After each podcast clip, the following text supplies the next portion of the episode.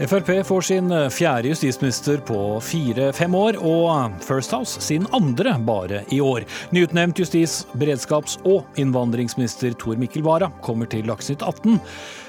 Og dette skiftet, hvis det er et skifte, hva representerer det?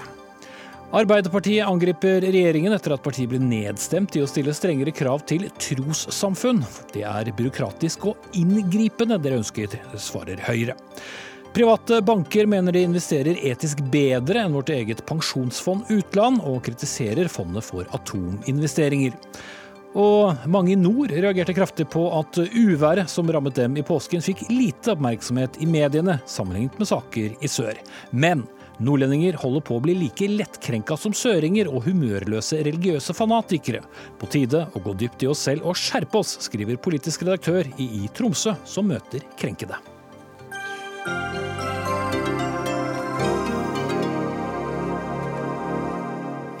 Da ønsker vi velkommen til eh, Dagsnytt 18 med Espen Aas, der vi også skal innom Fremskrittspartiets Ungdom, som vil fjerne kjønn fra passet fordi det er utdatert å kategorisere mann og kvinne. Men først skal vi til konsekvensene av giftangrepet mot den russiske eks-spionen Sergej Skripal og hans datter i Salisbury i England i mars. For tidligere våpeninspektør for FN, Jørn Siljeholm, mener Vesten ble ventet med de sterke reaksjonene. 26 land har utvist over 140 russiske diplomater, bl.a. én fra Norge. I forrige uke svarte da Russland med å utvise drøyt 150 diplomater. Og Jørn Siljeholm, du er nå risikoanalytiker for den amerikanske tenketanken Omnis, har doktorgrad i kjemi og var tidligere multidisiplinær våpeninspektør innenfor kjemiske, biologiske og kjernefysiske våpen. Og Du sa til VG i går at vestlige stater altså burde ha ventet med denne reaksjonen til bevisbyrden er klargjort. Kan du utdype det?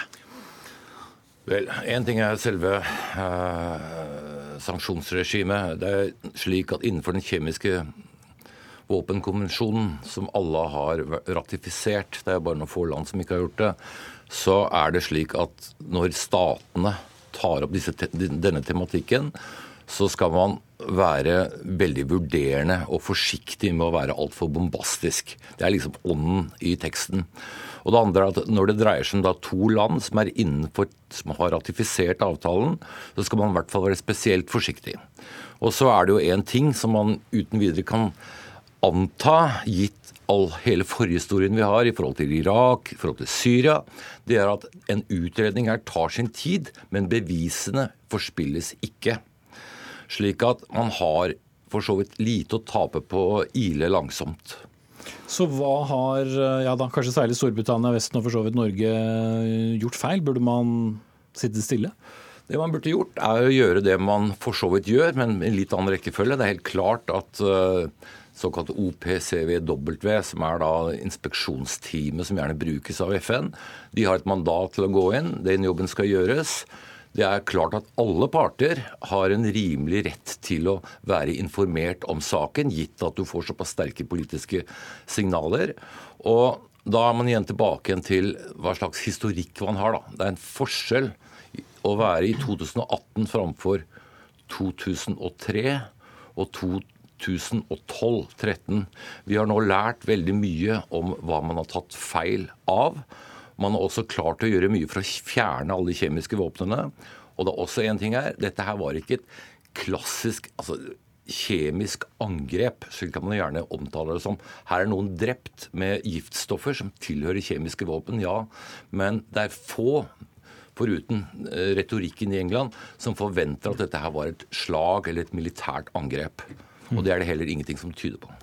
Utenriksminister Ine Eriksen Søreide vil ikke stille i denne debatten, men UD skriver i en SMS-melding til Dagsnytt 18 at eh, fra norsk side har vi full tillit til den britiske etterforskningen og legger den britiske regjeringens vurdering til grunn. Denne peker tydelig mot russiske myndigheter. Russland har heller ikke bidratt til å opplyse saken eller svare på britiske spørsmål. Men eh, vi har med oss deg, Michael Tetzschner, nestleder i utenriks- og forsvarskomiteen og også stortingsrepresentant eh, for Høyre. Hvis vi begynner med oss selv her, da. Hadde det vært politisk mulig for Norge å latt være å utvise den um, russiske diplomaten, og, sett, og likevel kunne støttet Storbritannia? Ja, altså Det hadde jo vært mulig, men det hadde vært oppsiktsvekkende. fordi vi hadde jo da skilt oss ut ved å ikke gripe til et av de mildeste diplomatiske uttrykk for misnøye i så alvorlige saker. Det hadde jo brutt solidariteten med våre Nato-allierte i Europa og også transatlantisk. Det hadde også gjort Norge unik i nordisk sammenheng, hvor ikke alle er medlemmer av Nato. Slik at eh, det er jo eh, også eh, Jeg, jeg kan, forstå at problemstillingen reises. Det har jeg, har jeg, forståelse for. Men da må det også svares på den måten som Utenriksdepartementet har gjort her, nemlig at man stoler på en så seriøs aktør som Storbritannia, når de på Nato-rådets møte rett før påske fremlegger da et bredere etterretningsbilde i tillegg til at giftstoffet da også omtales. Og Da kan jeg kanskje fylle inn min meddebattant her, fordi det er fastslått at dette er et av de russisk utviklede uh, militære nervegiftene. Som heter, det er vel ikke det samme som at de har utført det? Nei, men det er Novichok vi snakker om. Og det krever, de er så sofistikerte, og det krever så mye ressurser Eh, at det bare er stater som, eh, som kan eh, komme i besittelse av, som kan utvikle slike våpen. Og Det betyr jo at hvis det er andre aktører som har brukt disse i attentatsammenheng, altså man kan tenke seg terrorister eller, eller, eller grupper uten styring, så har allerede Russland da eh, brutt internasjonal eh, folkerett ved ikke å melde fra om at de har mistet kontrollen over disse våpnene. Så, så, dette er jo et giftstoff, nær, militær nervegiftstoff, som bare er, hittil er påvist i sammenheng med, med sen sovjetisk forsknings innsats, og som eh, da dessverre ser det ut til har kommet til anvendelse. Mm. Rett før vi gikk på sending så gjentok eh, utenriksminister Boris Johnson i Underhuset eh, påstanden om at det måtte være Russland. Men Siljon, du mener de er litt for raske til å konkludere? Ja, jeg mener at det er veldig tvilsomt. Jeg syns det, det, det, er veldig drøyt. Altså, Vi kan ikke la være å, å se på forhistorien her. Vi kan heller ikke eh, la være å se på det som er fakta innenfor konvensjonsteksten, og det landene gjør, som er en del av de ratifiserte landene. Det er at de, flere av de vil være nødt til å ha små mengder av dette giftstoffet på lager i analysesammenheng. Slik at, og Dessuten så hadde vi den situasjonen at når det russiske programmet datt fra hverandre, så var vestlige observatører nesten alle de faste medlemmene i Sikkerhetsrådet, ikke minst USA, med Richard Luger og Sam Nunn, med på å både kalibrere programmet, sørge for at programmet var overvåket, og sørge for at det, at det var progresjon. Med andre ord, det har vært mange aktører involvert i denne type kjemikalier, skråstrek kjemiske stoffer. Og det er også en ting som man kan merke seg, at det er såkalt umulig å lage utenfor et militært laboratorium. Ja, det er jo ganske tvilsomt å påstå. da. Det er helt klart at stoffet er såpass giftig at det er en fryktelig sjansespill for hvem som helst å være med på dette her. Men dette er satt sammen av kjente kjemikalier. Og det er ikke slik at vi f.eks. For i forhold til Syria og Irak ikke så Vi så ikke Novichok. Men vi så jo sarin- og VX-gassanaloger som typisk ikke burde vært i hendene på noen, foruten de landene som da vi påsto hadde de. Før vi blir altfor uh, tekniske, men har egentlig russerne overbevist andre veien, da? Nei, det, dette som er veldig tricky her, det er at hvis man påstår dette her, så er det noe med hvem har for så vidt falsifiseringsmuligheten. Her kan man vel si som så at å bevise for at det ikke er dem, også bevise altså en negativ, er nesten umulig. Å bevise det motsatte vei er også ganske vanskelig. Den er også nesten umulig. Men så har man kommet til den eh, prosessen her at man nær sagt nesten gjør som George W. Bush etter 9-11. Sørger for at sier at de som ikke er med, er mot. Og det man har gjort nå, er å sagt at Russland er skyldig inntil det motsatte er bevist. Det er en fryktelig problematisk problemstilling. Enig i det resonnementet? Nei, nei, fordi her er det langt mer håndfast bevis som peker mot en statlig aktør, og den statlige aktøren er Russland. Og det er nok til å vise til den uh, redegjørelsen som Theresa May ga 12.3 i Underhuset i år, under det parlamentariske ansvaret som hviler på å snakke sant. Så syns jeg du begår det Eh, det du beskylder oss for, eh, nemlig å, å føre parallellbevis eller anekdotiske bevis. Fordi det er klart det er gjort eh, feil i historien før, og man har solgt inn hendelser som ikke, ikke senere holdt vann. Men det betyr jo ikke at man ikke skal under det største alvor gå etter de indisiene og de bevisene som nå finnes i denne saken. Og han som har utviklet denne Eh, giften. Han eh, er i dag pensjonert og bor i New Jersey. og Han har jo også latt seg intervjue om dette og sier at dette er eh, også en del av det operasjonelle virkemiddelapparat som, som, russerne har lagt seg til. Og der har vi også de andre forgiftningsaffærene som nettopp har rammet russiske statsborgere som på en eller annen måte er kommet i konflikt med, med Putins regime. Mm. Kort til slutt, Silom. Det er jo et kjempeproblem når man refererer til data, klassifiserte data som ikke har generell introspeksjon. Vi må ha tillit til. Og så har vi forhistorien, og vi har i hvert fall åtte caser hvor vi har sett at påstandene var vilt feil.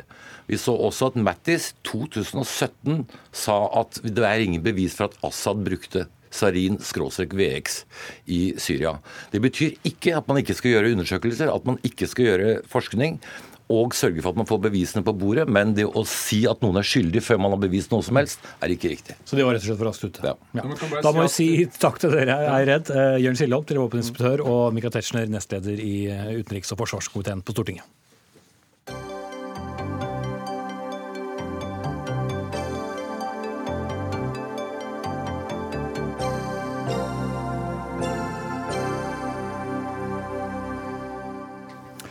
Arbeiderpartiet langer ut mot regjeringen etter at partiet ikke fikk flertall for å stille strengere krav til trossamfunn. Kravene, som ble nedstemt i Stortinget forrige uke, var minst 40% kvinnerepresentasjon i administrative styrer, demokratiske valgte styrer, å opprette en likestillingspott og å pålegge trossamfunn å drive aktivt integreringsarbeid. Og Kristin Ørmer Johnsen, innvandringspolitisk talsperson for Høyre, hva var galt med dette? Ja, Først får jeg bare korrigere at eh, jeg har skiftet eh, komité. Jeg leder familie- og likestillingskomiteen, så da er innvandringspolitisk talsperson Olemic Thommessen hans nye jobb. Så jeg må bare korrigere det. Men, det er du helt rett i. Her var det påske mellom som var ute og slappe. Ja, riktig. Men til poenget. Hva var galt? Det, for det første så må jeg si at vi er opptatt av eh, likestilling i trossamfunnene. Uh, og det er et tema som vi kommer tilbake, tilbake, til når vi får en ny lov til Stortinget. Jeg kan si litt om det senere. Men det vi er veldig skeptisk til, det er at uh, man skal blande seg inn i trossamfunnenes organisering. Der, uh, Selv om de får offentlig støtte?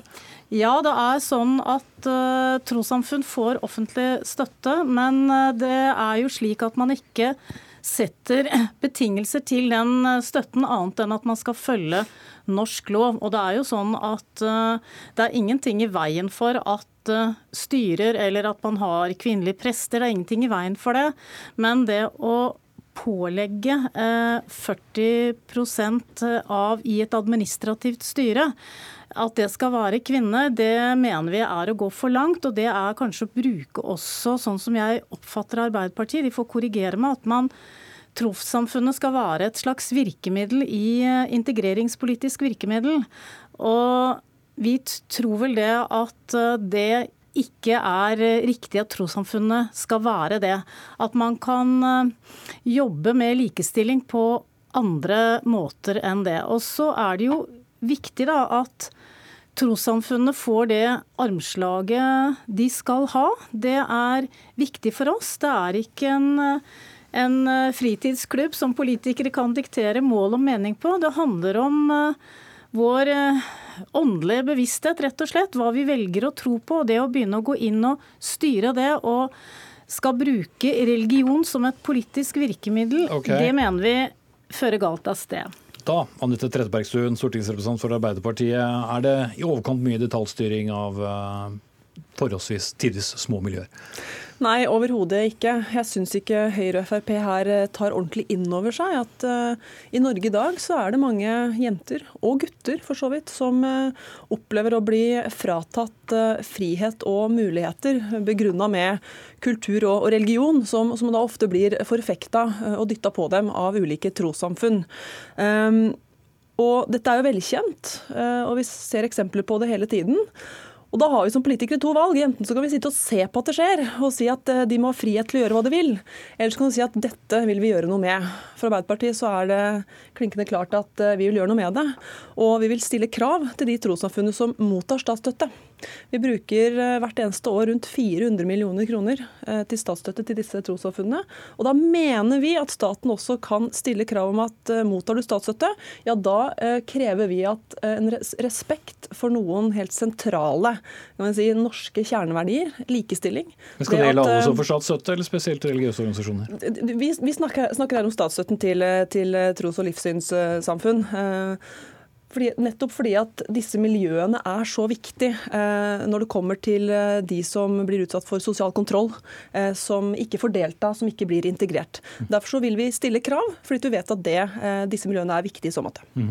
Jonsen, det er jo, eh, Når man først gir dem penger, hvor, hvorfor er det så galt å eh, også få dem til å, å, gjenspeile det som vi kanskje etter hvert vil se på som klassiske, typiske verdier, som, som f.eks. likestilling? Jeg tror det er viktig, men nå har vi, som jeg nevnte, det har jo vært en uh, ny lov ute på høring. og Den skulle både se på finansieringsmodellen til uh, tro- og livssynssamfunn, og også vilkårene for å få finansiering. Og I den høringen så er det også stilt uh, spørsmål rundt dette med hvordan kan man jobbe med bl.a. likestilling.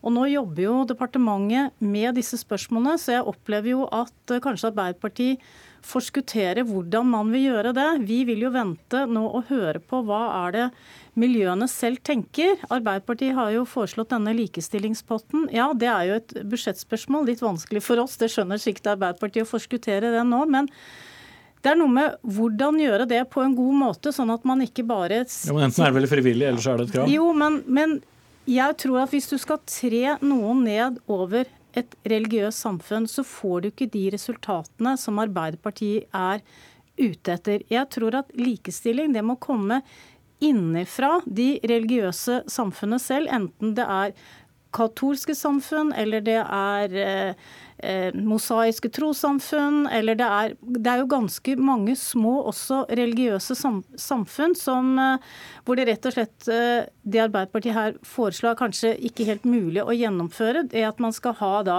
styrer med, med den eh, representasjonen. Så jeg tenker at eh, vi vil vente til vi får innspillene tilbake, og så vil vi da se hvordan vi kan gjøre det. Og det er jo ikke riktig at det er bare eh, Høyre og Frp som stemte imot dette. Dette griper dypt inn i oss. Både KrF og Senterpartiet var heller ikke med på dette. Ok, Trettebergstuen. Ja, altså Det er jo ikke noe nytt at, eh, at høyresida har har måttet dratt motvillig og baklengs inn i framtida eh, i ethvert likestillingsspørsmål.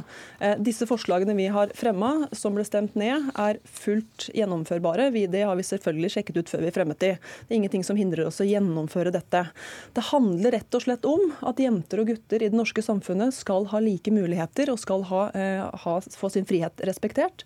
Vi vet at i dag så er mange trossamfunn forfektere av, av det motsatte motsatte. Eh, hindrer frihet, eh, utsetter folk for sosial kontroll, eh, hindrer kvinner til deltakelse, sender barn på koranskoler osv. Dette må vi få en slutt på. Mhm. Men Mange er vel også imot det. Men altså, samtidig, hvis det da blir mange som faller utenfor statsstøtten, da, om du vil, og dermed ikke kan kontrolleres i hermetegn, er det ikke lett at du kan få motsatt effekt?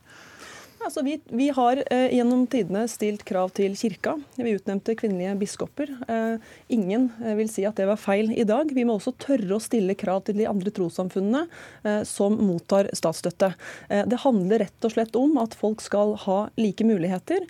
Og vi ber rett og slett bare om at norsk lov skal respekteres. At norske kjerneverdier som ytringsfrihet, deltakelse og likestilling eh, skal forfektes. At ikke det motsatte skal dyttes på folk. Og det skulle bare mangle. når vi når vi bruker statlige skattepenger på disse trossamfunnene. Men, men det gjøres det jo i dag. Det, norsk lov skal følges. Det er ingen som sier noe imot det. Poenget er at Arbeiderpartiet her vil bruke trossamfunnene som nærmest et instrument til å bedre en integrering. Integreringspolitikk handler my om mye mer enn det. Og når man sier at høyresiden dras etter, så må jeg minne om at uh, Ansgar Gabrielsen var den første som faktisk fikk 40% inn i styrene. Erna Solberg Der var det greit, men ikke på trossamfunn?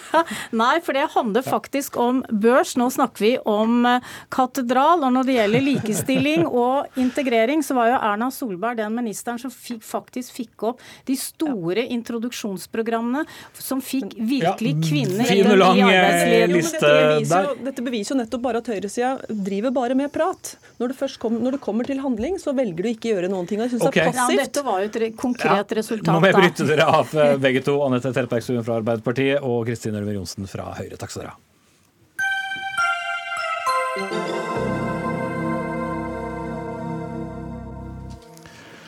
Med en eh, økende markedsverdi på godt over 8000 milliarder, eller 8 billioner kroner, eier Pensjonsfondet utland, eller oljefondet som de fleste fortsatt sier, aksjer i 9000 selskaper i 72 land, eller godt over en prosent av verdens selskaper. Men eh, hvor etiske investeringene til det samme fondet er, er støtt og stadig gjenstand for debatt. Fondet har et eget etikkråd som skal vurdere nettopp fondets investeringer, men ute i den private sfære sfæren finner vi de som føler at de er mer etiske. Deriblant deg, Magnar Øyhovden, leder for S-banken. Hvorfor ja. er dere bedre? Nei, jeg kan si Vi har vel ikke sagt at vi er bedre. Vi har støttet oss på eh, Etikkrådet og eh, oljefondets eh, ekskluderingsliste helt siden vi startet å merke våre fond for syv år siden. Eh, men nå ser vi at det er informasjon om, om hvordan, hvordan selskaper havner på denne ekskluderingslisten, som gjør at vi har behov for å sette inn en ny kategori. Tidligere merket vi med rødt og grønt på, på bakgrunn av, av, oljefondets liste. Og eh, nå innfører vi en ny kategori for å vise forbrukerne eller gjøre forbrukere oppmerksom på at uh, det finnes informasjon som de gjerne bør sette seg inn i før de investerer sparepengene sine. Så de er ikke en like god rettesnor for etiske investeringer som før? Nei, vi har hele tiden eh, brukt de som rettesnor. og Det tror jeg at eh, de fleste norske forbrukere er komfortable med å bruke de som, eh, som rettesnor. Men vi velger iallfall da, eh, og flere også av forvalterne. Vi forvalter ikke selv, vi bare har eh, fond tilgjengelig på våre sider.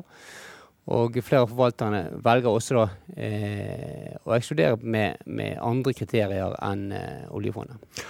Litt av bakgrunnen for at vi har den diskusjonen er et oppslag bl.a. i TV 2-nyhetene i påsken, der de viste til at en del av eh, vår eh, pensjonssparing bl.a. investeres i selskaper som eh, leverer til komponenter til atomubåter. Og Cecilie Helseit, som medlem av Etikkrådet, hvorfor er, er det greit?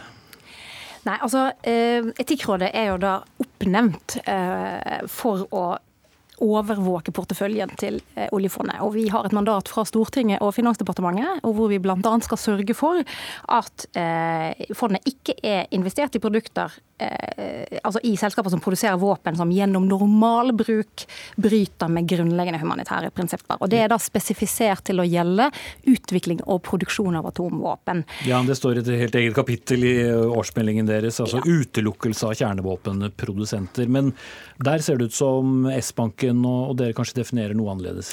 Ja, Vi har jo per i dag utelukket tolv selskaper fra fondet på bakgrunn av dette kjernevåpenkriteriet. Det som er utfordringen her, eh, er for det første at dette er et ganske komplisert eh, kriterium å operasjonalisere. Som er på en måte vårt hovedmandat, er å operasjonalisere disse retningslinjene.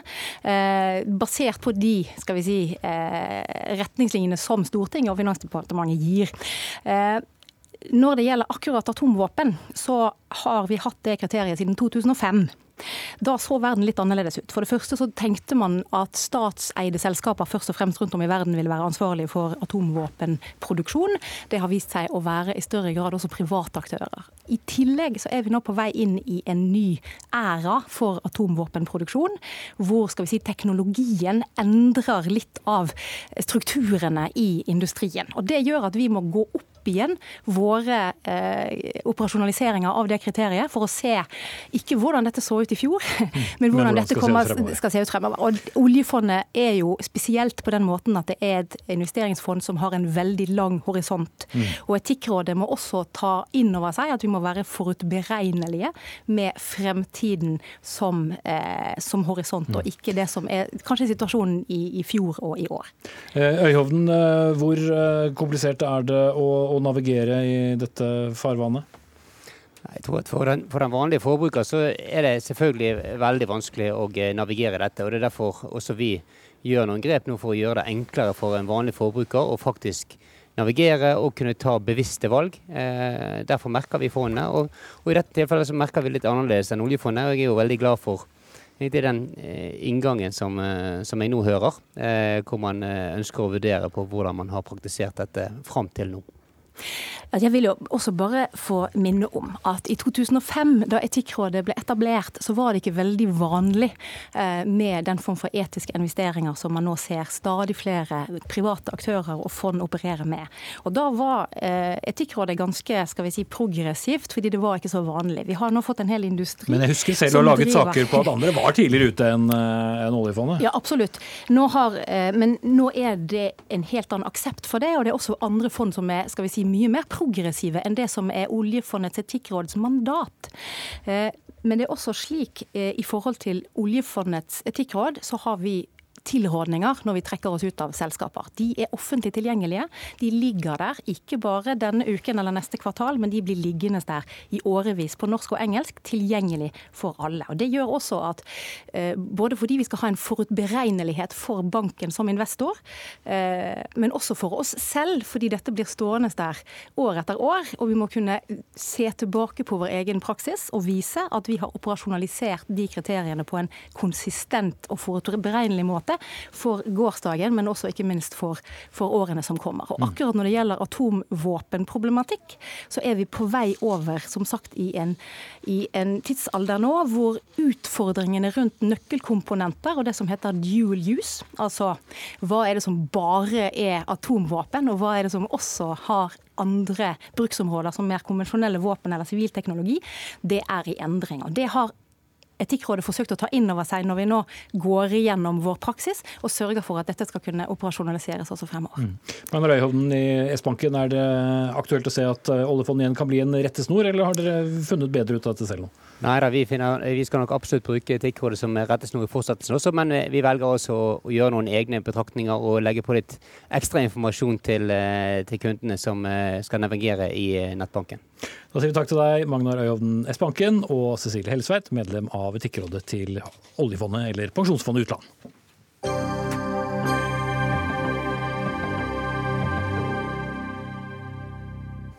Da er vi nær halvveis i Dagsnytt 18, vi, og minner også om at landets nye justisminister kommer til Dagsnytt 18 om kort. Men før vi eh, skal dit, så skal vi høre om at kategoriene mann og kvinne er utdatert. Det mener iallfall sentralstyret til Fremskrittspartiet Ungdom. Ifølge Klassekampen vil de nemlig at kjønnet ditt strykes fra pass og folkeregisteret, så du står fritt frem til å definere deg som mann, kvinne eller noe midt imellom. I helgen er det landsmøte for eh, ungdomspartiet, der forslaget skal stemmes over. Og dette medfører også at de kan fjerne all form for kjønnskvotering. Men Andrea Sjøvold, leder i Sosialistisk Ungdom, hva syns du om dette noe friske forslaget? Ja, det er meget frisk, kan jeg si. Jeg er veldig uenig i det. Og det handler om at så lenge vi lever i en verden som forskjellsbehandler mennesker på bakgrunn av hvilket kjønn de har, så er vi nødt til å forholde oss til kjønn.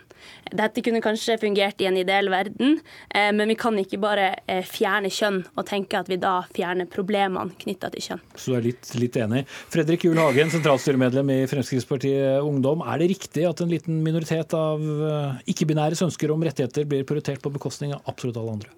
Og så kan vi selvfølgelig diskutere hvorvidt vi skal lage lover og regler på vegne av folks, folks følelser, men jeg mener så lenge det ikke er en vesentlig ulempe for samfunnet, så syns jeg vi skal respektere de folkene som har veldig store problemer med å kategorisere seg enten som mann eller kvinne. Men så ser vi at det generelt sett er ganske store fordeler Da. det. Er riktig at verden ikke nødvendigvis er rettferdig, men det er jo ikke pga. folk i seg selv, men det er fordi vi bruker politiske virkemidler for å forskjellsbehandle folk. F.eks. kvotering, som både er monsterdiskriminerende, for du gir menn en unødvendig ulempe at de ikke får komme til. Og samtidig, kvinner en fordel? Ja. Nei, samtidig mener jeg også det er kvinnediskriminerende. Rett og slett for du sier til kvinner at gi et signal om at kvinner, du er, ikke, du er ikke god nok, at du trenger hjelp for å komme noe sted. Og Det mener jeg rett og slett er ja, både manns- og kvinnediskriminerende. Det er mye lettere at vi heller bare omtaler oss selv som mennesker. Men uh, med fare for å, fremstå som veldig praktisk nå, uh, hvor vil du kommet veldig langt i verden med et pass du ikke sto hvilket kjønn du har? Altså, man kan selvfølgelig begynne å diskutere alle de praktiske problemstillingene. Eh, jeg de må jo tas, de òg. Ja. Eh, dette er foreløpig et forslag vi skal diskutere på landsmøtet vårt. Hvor stort problem det er for å få vise med ulike land, det har man ikke nødvendigvis undersøkt. Men det er jo enkle land som praktiserer både to og tre kjønn. og så det, Man kommer kanskje dit uh, på et eller annet tidspunkt. Jeg tror ikke nødvendigvis det er det det største problemet vi har. Hvis det er sånne, sånne små praktiske flisespikkere. Men det er mer prinsippet der om at det kjønnet du har, det er jo en egenskap ved deg. Du har et biologisk og et sosialt kjønn, men det er ikke nødvendigvis lovverket trenger å henges opp i. Opprettholder vi ikke litt eh, kjønnsforskjell nå når vi er så besatt av å poengtere dem, eh, fra Nei, det, det, mener jeg ikke. fordi det her handler overordna at problemet er ikke kjønn, det er hvordan man behandler folk ut ifra hvilket kjønn de har eller ikke har. Problemet her er jo at vi kan ikke bare fjerne kategoriene og mene at det da skal bli bedre. Vi må jo åpne og utvide og gi flere plass. Og Det er derfor jeg er veldig glad for at de også tar til orde for et tredje kjønns løsningsalternativ. Så der er dere enige? Der er vi enige. Eh, men jeg mener at likevel at det er mange av de praktiske utfordringene man ikke kan se bort ifra. Det finnes kjønnsspesifikke utfordringer i dag. Hva med når man skal kalle inn eh, eh kvinner på mammografi eller til livmorhalskreft? Da tar man utgangspunkt i, i folkeregisteret, og altså da hvilket juridisk kjønn du har. Og det vil være en praktisk utfordring som vil få potensielle helseskader for den kvinnelige befolkninga. Og da mener jeg også mye forskning. Eh, så kan man ikke se bort ifra at det er kjønnsforskjeller. Skal man forske på lønn, så kan man jo finne ut at det er forskjell mellom offentlig og privat sektor. Men det er også forskjell mellom kvinner og menn som er viktig å ta tak i, sånn at vi kan få målretta tiltak for å få et likestilt samfunn. Men nå taler du til et problem som egentlig eksisterer i dag på mange måter. For i dag så kan du jo bytte juridisk kjønn hvis du vil det. Rett på alltid. Du kan bare logge den. Det betyr jo også at du kan ikke ta utgangspunkt i det juridiske kjønnet for hvem du skal sjekke for testikkelkreft eller innkalle til mammografi. Du er nødt til å ta utgangspunkt i det biologiske kjønnet. Og det er jo derfor, altså For legen din er det fortsatt høyst relevant hvilket biologisk kjønn du har. Men i rettsvesenet så, og egentlig alle regler som, som hører til det, så mener jeg at det er totalt irrelevant. Men det er ikke et litt vel langt sprang da, å bare fjerne det? Altså, det er mye bedre enn veldig mye alternativ. når Vi skal begynne å detaljstyre folk på, på hva slags kjønn de er. Da. Når du skal gi folk fordeler og ulemper pga. hva de har mellom bena og ikke hva, hva de har mellom øra. Det syns jeg er rett og slett helt feil. Så det løser veldig mye av diskusjonen. Og egentlig veldig mange debatter vi har hatt gjennom tidene hadde vært veldig godt løst hvis vi ikke hadde juridisk kjønn. F.eks. debatten om likekjønt ekteskap, som har gått i Norge i mange årtier, som har vært en kjempelang og viktig kamp. Den hadde jo vært helt irrelevant hvis du ikke hadde et juridisk kjønn, for da hadde ikke det vært forbudt. Mm. Eh, men når det er såpass åpent da, med å, å kunne skifte eh, kjønn, som, som, dere har poengtert, eh, er det ikke like enkelt å bare fjerne det? Nei, fordi kjønn kommer til å eksistere uansett, og kjønn kommer til å være en grunn til mye forskjellsbehandling. Det ser vi allerede, og det kommer det fortsatt til å være, uansett hvilken kategori man har i passet. Og da mener jeg at vi heller må bruke kjønn for å få målretta gode tiltak for å få et likestilt samfunn. Og så må man åpne for at flere skal få lov til å identifisere seg med det kjønnet de har, og ikke kjønnet de har. Ok, Veldig kort til slutt. Fredrik Julhagen i Fremskrittspartiets Ungdom. Eh, blir det flertall for dette på landsmøtet? Det er vanskelig å si. Vi har allerede behandlet det i, landsstyret, og der fikk det flertall. Eh, men det var en veldig god debatt, og jeg tror det også blir en veldig god debatt på landsmøtet. Så vi får se hvordan det ender opp der. Eh, jeg har tro, jeg kommer til å argumentere for det. Mm. Takk skal du ha, og også takk til Andrea Sjøvold, leder i Sosialistisk Ungdom.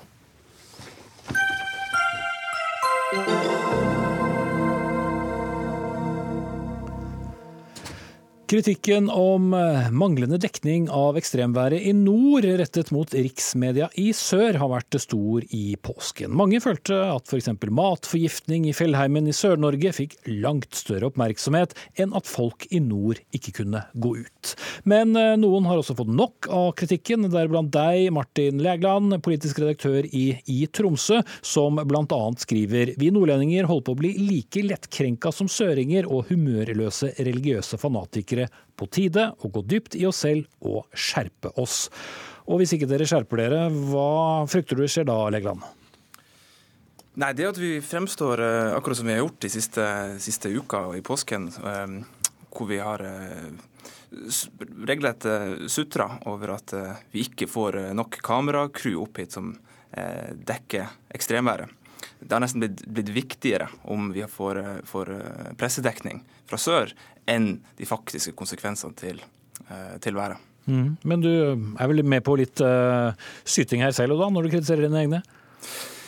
Ja, men tenker, det kan du godt si. Uh, men, men, jeg tenker samtidig at vi må tåle uh, altså hvis, vi, hvis, vi, skal være rette ordentlig kritikk mot rikspressen, så må det gå på ordentlige ting, ikke på hvor mye TV-tid vi får. Det, og det er, det er ordentlig nok, rett og slett? Nei, jeg, jeg, mener bare at vi, vi, kan veldig mye bedre. Mm. Eh, nå fremstår vi tynnhuda og alle de tingene vi liker å assosiere, assosiere med oss sjøl. At vi er stående av, at vi, at vi er et tøft folk. Eh, det har fått seg en, en, alvorlig knekk nå i, i påsken. Mm. Ingrid Evertsen, aktivist og skuespiller. Du er en av de som nevnes av, av Legeland. Er du lettkrenket? Nei, jeg er absolutt ikke lettkrenka. Og jeg er ikke så opptatt av pressen fra sør. Det er helt uinteressant. Det som jeg er opptatt av, det at vi får det vi fortjener, nemlig informasjon om hvordan været er, og hvordan veiene er, og hvor stor skredfare det er.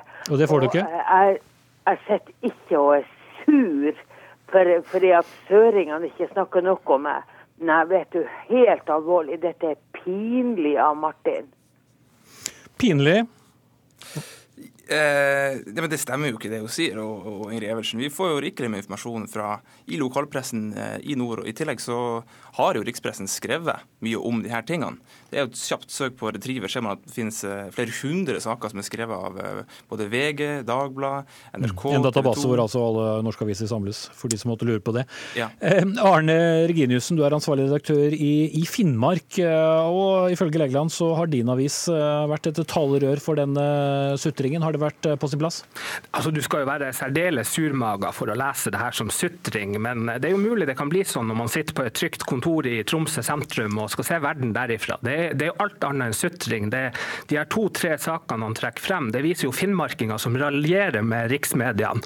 Og det blir gjort med en stor dose glimt i øyet. og, og eh, altså, Det er jo finnmarkingene gode til. Så det er klart at når folk har vært isolert i opp mot ni dager i Nordkapp kommune, så må det jo være lov å komme med noen friske spørsmål om man må skite i buksa, sånn som de sørpå, for å få oppmerksomhet. Det, altså, det er gjort med en særdeles stor porsjon humor. Det er ikke nærheten av sutring. og, og Når NRK kaller en tredjedel av Norges areal for Nord-Norge-bygda, så må vi få lov å flire litt av søringene. Mm. Ingrid Evertsen, eh, din, for å ta det seriøst her, også din, din hovedinnvending, det som, det som, gjør deg sint eh, utover eh, værmelding og, og veier her? Altså Det som gjør meg sint For det første så er jeg, jeg samboer med en fisker i 20 år. Og jeg vet meget godt hva det handler om. Hvor værmelding og hvor, hvor meldinger om, om, om, om, tingenes tilstand er viktig. Men vi melder da vær i nord? Hva sier du? Det meldes da vær i nord? Ja, det, ja, hallo. Det er noe sånn, sånn passelig. Det, det er værvarselet, tralala. For det er jo faderullan ikke noen sørfra som aner hva dårlig vær er. Og det kan jeg også si til han Martin som sitter i Tromsø på ei bitte lita øy midt mellom to sund, som ikke aner hva været handler om. Og det provoserer meg grenseløst. Og jeg må jo òg si at når det gjelder Dagsrevyen, så er det jo et eventyr når de holder på med den jævla sminkepoesien sin og forteller hva, hva landet vårt handler om. Fordi at det vi holder på med i Nord-Norge, det er helt andre ting. Vi holder faktisk på med en verdiskapning som er så viktig for landet. Og vi må vite om vi får fisken vår sendt sørover, sendt ut til til Europa og til kontinentet. Og da må vi også vite hvor det går skreder, og hvor det er farlig å ferdes. Ok, Da skal vi til den trygge kontorplassen mellom, på den lille øya i, i Tromsø. Vi. Eh, Martin Legeland, her var det kraftig skyts. Du skal få lov til å slippe å svare for hva Dagsrevyen melder eller ikke melder, men eh, deg selv? Ja, men jeg føler, jeg føler det her bekrefter jo bare alt det jeg skriver. Hvis ikke det her var sutring, så vet ikke jeg. Eh, Dette er en sånn påtatt offerrolle i Nord-Norge som er ekstremt ukledelig, om hvordan ingen sør forstår hvor grusomt tungt det er, og hvor forferdelig vi har det. Eh, Vi må gjerne diskutere politikk og ordentlige ting, og det er mange ting man kan kritisere riksmedia for. Nedleggelse av VG-kontor, TV 2-ressurser som reduseres her. Men sånn sutring om at vi ikke får nok tid på Dagsrevyen, eh, det blir for, det blir for slapt. Og så I Finnmark så har vi kunnet lese om folk som mener at riksmedia burde skjemmes fordi at de ikke vet hvor eh, Kvænangsfjellet ligger, eller at man eh, kommer glipp på Dagsrevyen og sier eh, Nord-Norge-bygda. Men det er jo skivebom når du sier at eh, lokalmediene i nord har vært mer opptatt av å skrive om riksmedias fravær. Altså I løpet av den siste uka har vi på, i Finnmark og Nordlys eh, publisert over 100 artikler hver om skred, stengte veier, isolerte bygder. og Folk som på ulikt vis har fått dagliglivet påvirka. Lille Finnmarksposten med to journalister i Nordkapp har flere titalls artikler. Folk får ikke mat, kommer seg ikke på hytta. Altså, eh, Felles for alt er at de fleste tar det jo med godt humør. Folk i Finnmark vet hvor vi bor, og at været kan vi ikke gjøre noe Men det er et visst alvor her òg, Reginiussen, det hører jeg. Jo, men altså, selv om det er gjort med glimt i øyet, så er det jo en berettiget kritikk i fokuset til deler av riksmedia når man velger å gi stor plass til noen titalls fjellturister med magesjau, mens flere titalls veier i Finnmark og bygder er isolert. Altså, veiene er stengt. På et tidspunkt var så godt som alle veiene i Finnmark stengt. Men det er et uttrykk for at de kommersielle riksmediene har bygga ned lokalkontorene rundt i landet, og de har vanskeligere for å fange opp livet utenfor Ring 3. Og TV 2 var ærlig med oss om, når vi spurte dem om det. De hadde ikke oppfatta omfanget og gjorde en innsats og sendte opp et team fra Oslo. Så får vi leve med at de plasserte Kvænangsfjellet i Finnmark istedenfor Troms, men vi må jo få lov å raljere litt med det og, og ha det litt moro med, med det, uten at det er sutring. Ja, Tiden er snart eh, omme, men Inger Evertsen, du skal få slippe til. Hallo. Kom igjen, Inger Evertsen. Jeg må bare si at det er forunderlig at NRK har 150 journalister i de tre nordligste fylkene. Og hvor er de? Har de evigvarende påskeferie? Det er altså et eventyr for meg. Det er skrekkelig, og det er det vi betaler lisens for. Der kom den eh, kraftsalven, og der setter vi også strek her. Takk skal du ha, Inger Evertsen, aktivist eh, og eh, skuespiller. Martin Legeland, eh, politisk redaktør i, Tromsø, og Arne Reginiussen, ansvarlig redaktør i Finnmark.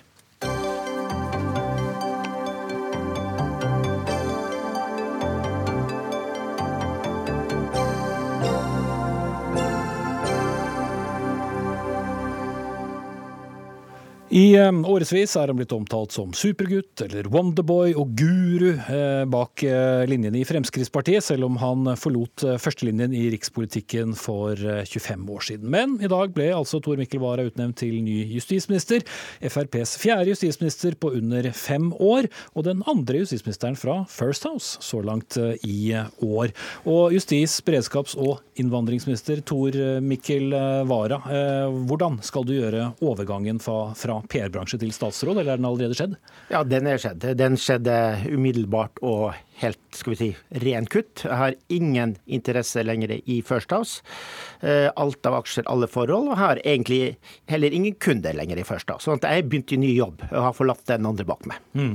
Noen mener jo også at du har blitt en eh, urban eh, Oslo-gutt. Kriblet det litt i kroppen i debatten før her, som, som opprinnelig fra Finnmark? Ja, jeg skjønner jo jeg skjønner jo den debatten. Det er jo fortsatt sånn at eh, Nå har jeg bodd 25 år, eh, ja mer, nesten 30 år i Oslo. Men jeg har hytte i Finnmark og tilbringer mye tid der. Sånn at jeg syns jo det er en morsom debatt. Det syns jeg det. Mm. Men tilbake til det vi skal eh, snakke om. Altså, eh, omtrent idet du gikk ut på Slottsplassen i dag, så la din tidligere arbeidsgiver First House ut eh, liste over i hvert fall noen av kundeforholdene de siste tolv månedene. Var det unødvendig av dem å, jo, å gjøre, slik du jo mente at kanskje alt styret rundt eh, forgjenger Listhaugs eh, kundeforhold var? Nei, men altså, dette er et forhold mellom First House og First House-kunder. Og Det er en gjensidig privatrettslig avtale, og den må jo da eh, være to parter som må være enig i det. Så er det jo også sånn at dette har jeg jo ikke kunnet forberede noen på.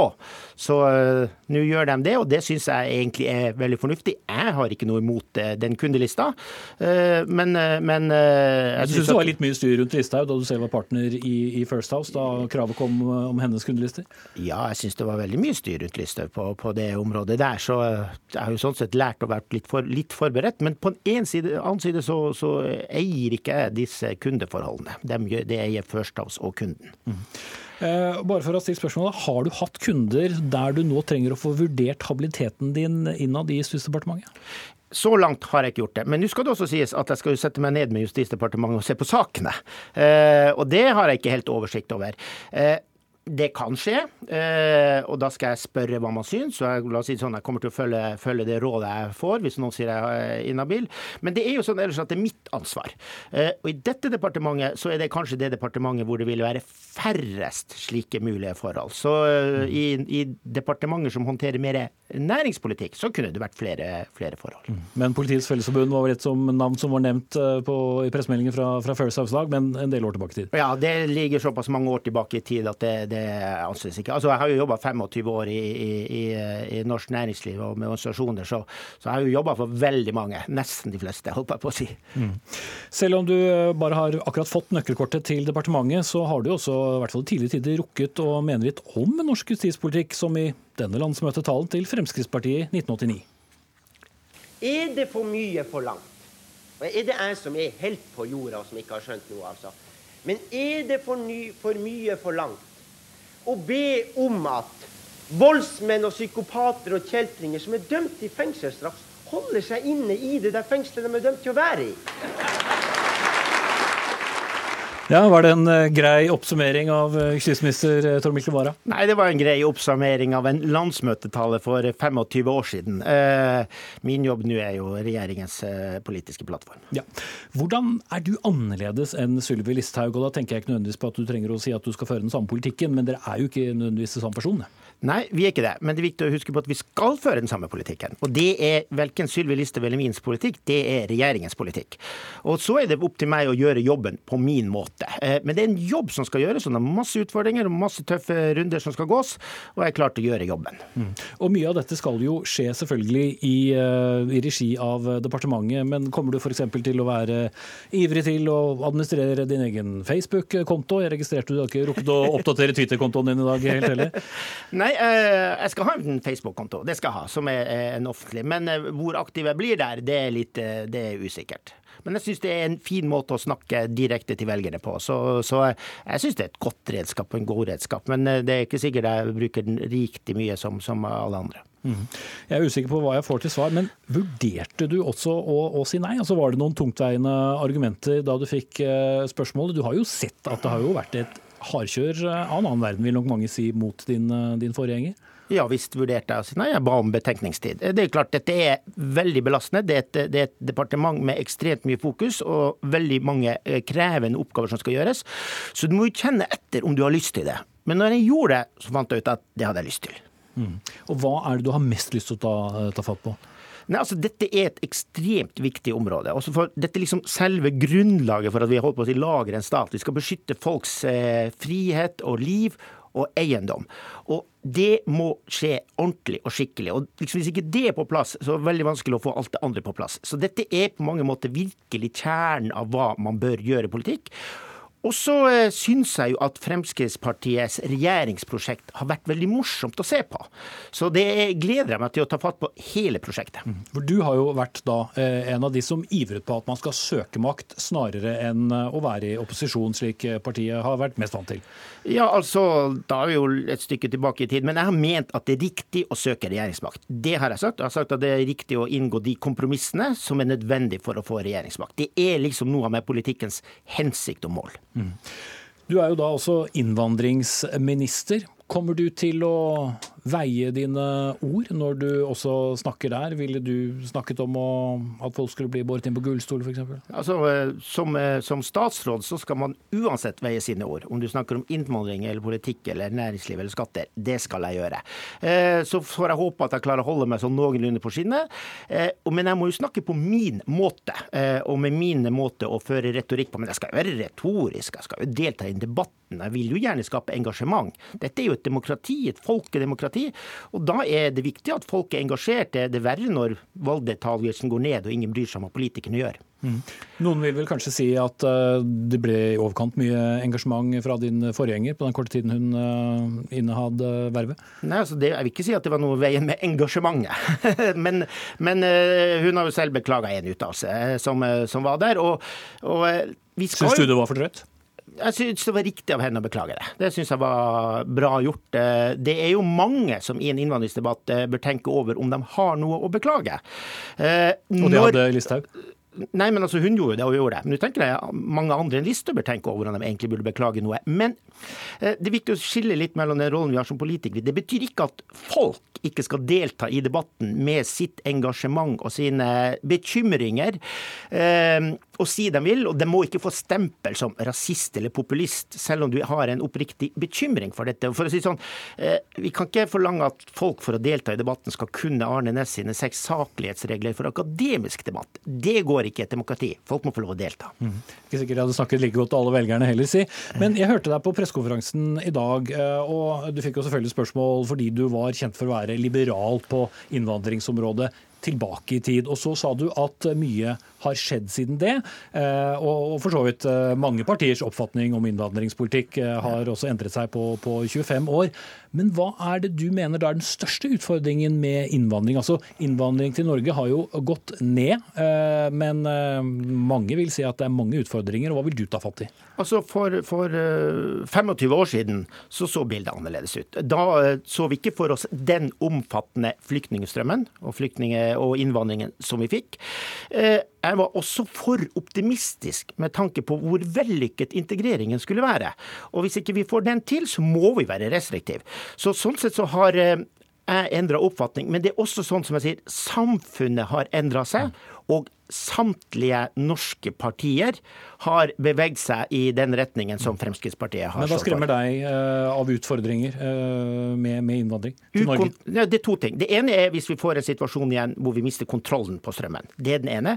Det andre er, som er veldig viktig, det er at i kjølvannet av det så kan det finnes holdninger som enten kan være bekymring i forhold til beredskap, eller som er eh, kvinnediskriminerende og nedlatende. Vi er kommet ganske langt i dette samfunnet med å, med å, å lage et eh, liberalt, åpent samfunn hvor vi tar med alle grupper. og det, Vi må passe på at ikke vi ikke rykker tilbake i forhold til kvinnesyn og i forhold til slike spørsmål som tvangsekteskap osv. Da skal vi sende deg videre til Dagsrevyen. Tor Mikkel Wara, takk skal du ha. Takk skal du ha. Og så skal vi hente inn eh, våre kommentatorer, og vi har eh, med oss eh, Lars Nehru Sand i studio her i Oslo. Og vi skal også ha med oss Frøy Gudbrandsen, politisk redaktør i Bergens Tidende fra Bergen. Men vi begynner med deg, Lars. Var det et overraskende valg? Det var jo ikke et navn som ble spekulert veldig mye i, i forkant? Nei, Det var overraskende at man henter tilbake en, en gammel traver eh, som jeg tror kommer til å gjøre en, en god jobb i, i statsrådsstolen, men, men, absolutt ikke blant de eh, med flest trodde eh, skulle ta denne jobben. Og så er det nok også noen som, som, er overrasket over at eh, Per Sandberg etter egne ord da, har takket nei til jobben han kunne få hvis han ville ha den. Mm. Hvorfor kan Siv Jensen ha valgt å, å trekke frem Vara igjen? Han sier jo noe selv i, i samtalen med deg som er interessant, nemlig at han eh, står for en, et syn i Frp som ikke alle i partiet har vært enig i hele veien, nemlig at det å søke makt er riktig, og det å inngå kompromisser er eh, riktig. Og Det betyr at eh, det eh, Frp, Siv Jensen, har villet dyrke frem, det prosjektet hun har ledet i partiet, får nå en veldig tydelig støttespiller eh, med på laget. Det er jo en av de rådgiverne hun har brukt, eh, nærmest privat, og, og også åpent har han vært til stede på veldig mange av årsmøtene de senere år, eh, bl.a. Eh, og det at han, han, nå kommer med i statsrådskabalen til Frp, det tror jeg veldig mange i partiet er glad for. Kanskje spesielt unge, fortsatt liberalistiske som, som er aktive i dag, har vært blant de som har skrytt mest uhemmet, i, i hvert fall av de Frp-erne har i min Facebook-feed. Og det er nok ikke, ikke tilfeldig. Frøy Gudbrandsen, du har eh, skrevet en eh, artikkel eller en kommentar allerede i dag om eh, den nye justisministeren. En pragmatiker som kanskje ikke lager så mye unødig støy. Er det det Fremskrittspartiet nå trenger?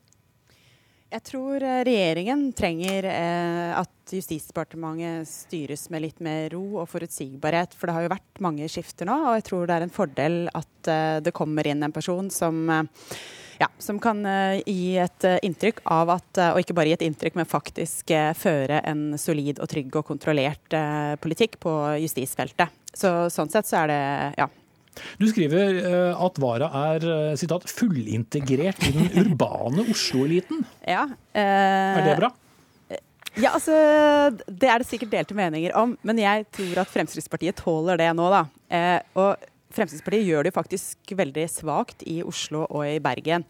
Eh, nå tror jeg ikke at han klarer å redde Fremskrittspartiet i lokalvalget i Bergen, men eh, det er noe med at, eh, som også var nevnt før her, at eh, særlig de unge liberalistene i Fremskrittspartiet, eh, de har kanskje ikke en sånn fremtredende representant for seg. Og jeg tror at eh, Fremskrittspartiet har jo godt grep om de innvandringskritiske velgerne, men jeg tror det fins et rom der som kanskje de kan klare å ta med en sånn profilert person som har en han har en ganske annen profil enn de andre statsrådene, eh, og en tydeligere liberal stemme. Men Sylvi Listhaug hun hadde mange tilhengere. og Er det først, Lars, en, en, fare for også at uh, dette kan bli utfordrende for Fremskrittspartiet? Uh, altså Jeg vet ikke hvor mange det representerer, men jeg har jo vært inne på ja, det som ikke er mainstream i det i dag, da, og sett at en del også er uh, kritiske til at de velger en mye mer stuerein figur som innvandringsminister som, som Tor Mikkel Wara. Så langt er jo historien om Frp i regjeringen en historie om at man har klart denne balansen. Man har klart å ha noen, kanskje først eksemplifisert med, med Per Sandberg i Stortinget, eh, så eksemplifisert med Sylvi Listhaug i regjering, som har klart å hele tiden minne den velgergruppen på at Frp fortsatt er et helt annet eh, parti enn de andre, eh, og snakke et språk den velgergruppen trenger å, å høre og bli minnet om at Frp fortsatt er seg selv. Hvis man fortsatt klarer det med en eller annen stemme i en eller annen posisjon, så er ikke dette skiftet eh, dramatisk eh, med tanke på FrPs oppslutning blant eh, de velgerne. Men, men hvis, hvis, Vara vil representere en dreining som gjør at Frp på en måte glemmer litt hvor de kommer fra, så kan det være problematisk. Men jeg tror ikke vi til nå har sett noe som skulle gjøre, ja, gjøre bekymring om at det ikke også vil være en balansegang Frp vil klare i fremtiden. Mm. Hva tror du om det, Gudbrandsen? Nei, altså, eh, Hvis man ser tilbake blant annet på disse gamle klippene fra landsmøtetalene, så noe av det som kjennetegnet Vara, var jo nettopp det at han evnet å begeistre, men også virkelig å provosere. Eh, sånn at eh, jeg tror nok det kan bli friskt i debattene med han, eh, selv om han har en helt annen stil enn Sylvi Listhaug. Så jeg tror nok at eh, han kommer nok selvfølgelig til å føre regjeringspolitikk på innvandringsfeltet, men jeg tror nok han skal klare å få liv i debatten og ja, eh, provosere opposisjonen nok, selv om han har en, eh, et litt annet eh, ståsted. Ja, han har en snert i sine uttalelser som ofte appellerer til den velgergruppen som, som liker den provokasjonen, men også et eh, et intellekt som, som appellerer til, til, eh, andre typer velgergrupper. og det, det, gjør han nok til en kommunikator som Frp kan nyte godt av. Den siden av han som politiker vi ikke har sett så mye av, det er jo det han kanskje vil trenge aller mest i justisministerrollen, og hvor andre profilerte Frp-ere ikke har uh, truffet blink, nemlig det å styre departementet departementet, lede fagmiljøet, lede underliggende etater fra dag til dag. Eh, og hvordan han vil takle den jobben, det, det vet vi jo ikke ennå.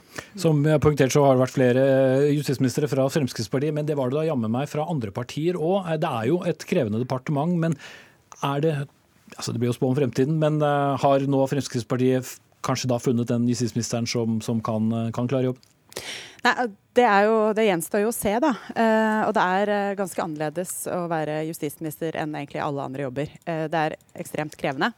Eh, men eh, jeg tror jo han har gode forutsetninger, og jeg syns det er interessant reaksjonene, særlig fra Høyre. At det var liksom ja, ekstase nærmest i Høyre da han ble valgt. Eh, så det kan, sier kanskje litt også om hvor han står politisk. Men jeg tror nok det er en person som også har forståelse for rettsstatsprinsipper og en del sånne ting, som gjør at kanskje kommunikasjonen med departementet kanskje kan gå bedre enn det har gjort, gjort det, det siste. Men det er jo krevende, og det departementet spiser jo statsråder ikke sant, til frokost, så, ja. så, vi får se. Bare veldig kort til slutt, uh, Lars. altså Sylvi Listhaug eh, appellerte veldig mye til konservative kristne miljøer. Eh, hvor skal vi plassere Tor Mikkel Wara hen eh, politisk? Det er nok annerledes enn Listhaug også på det området der. Men, men han, eh, det viktigste for Frp er jo at det er noen sentrale politikere som kan appellere til ulike miljøer. Og så lenge Listhaug fortsatt vil være en markant stemme i norsk politikk, så, så tror jeg det vil løse mye for Frp.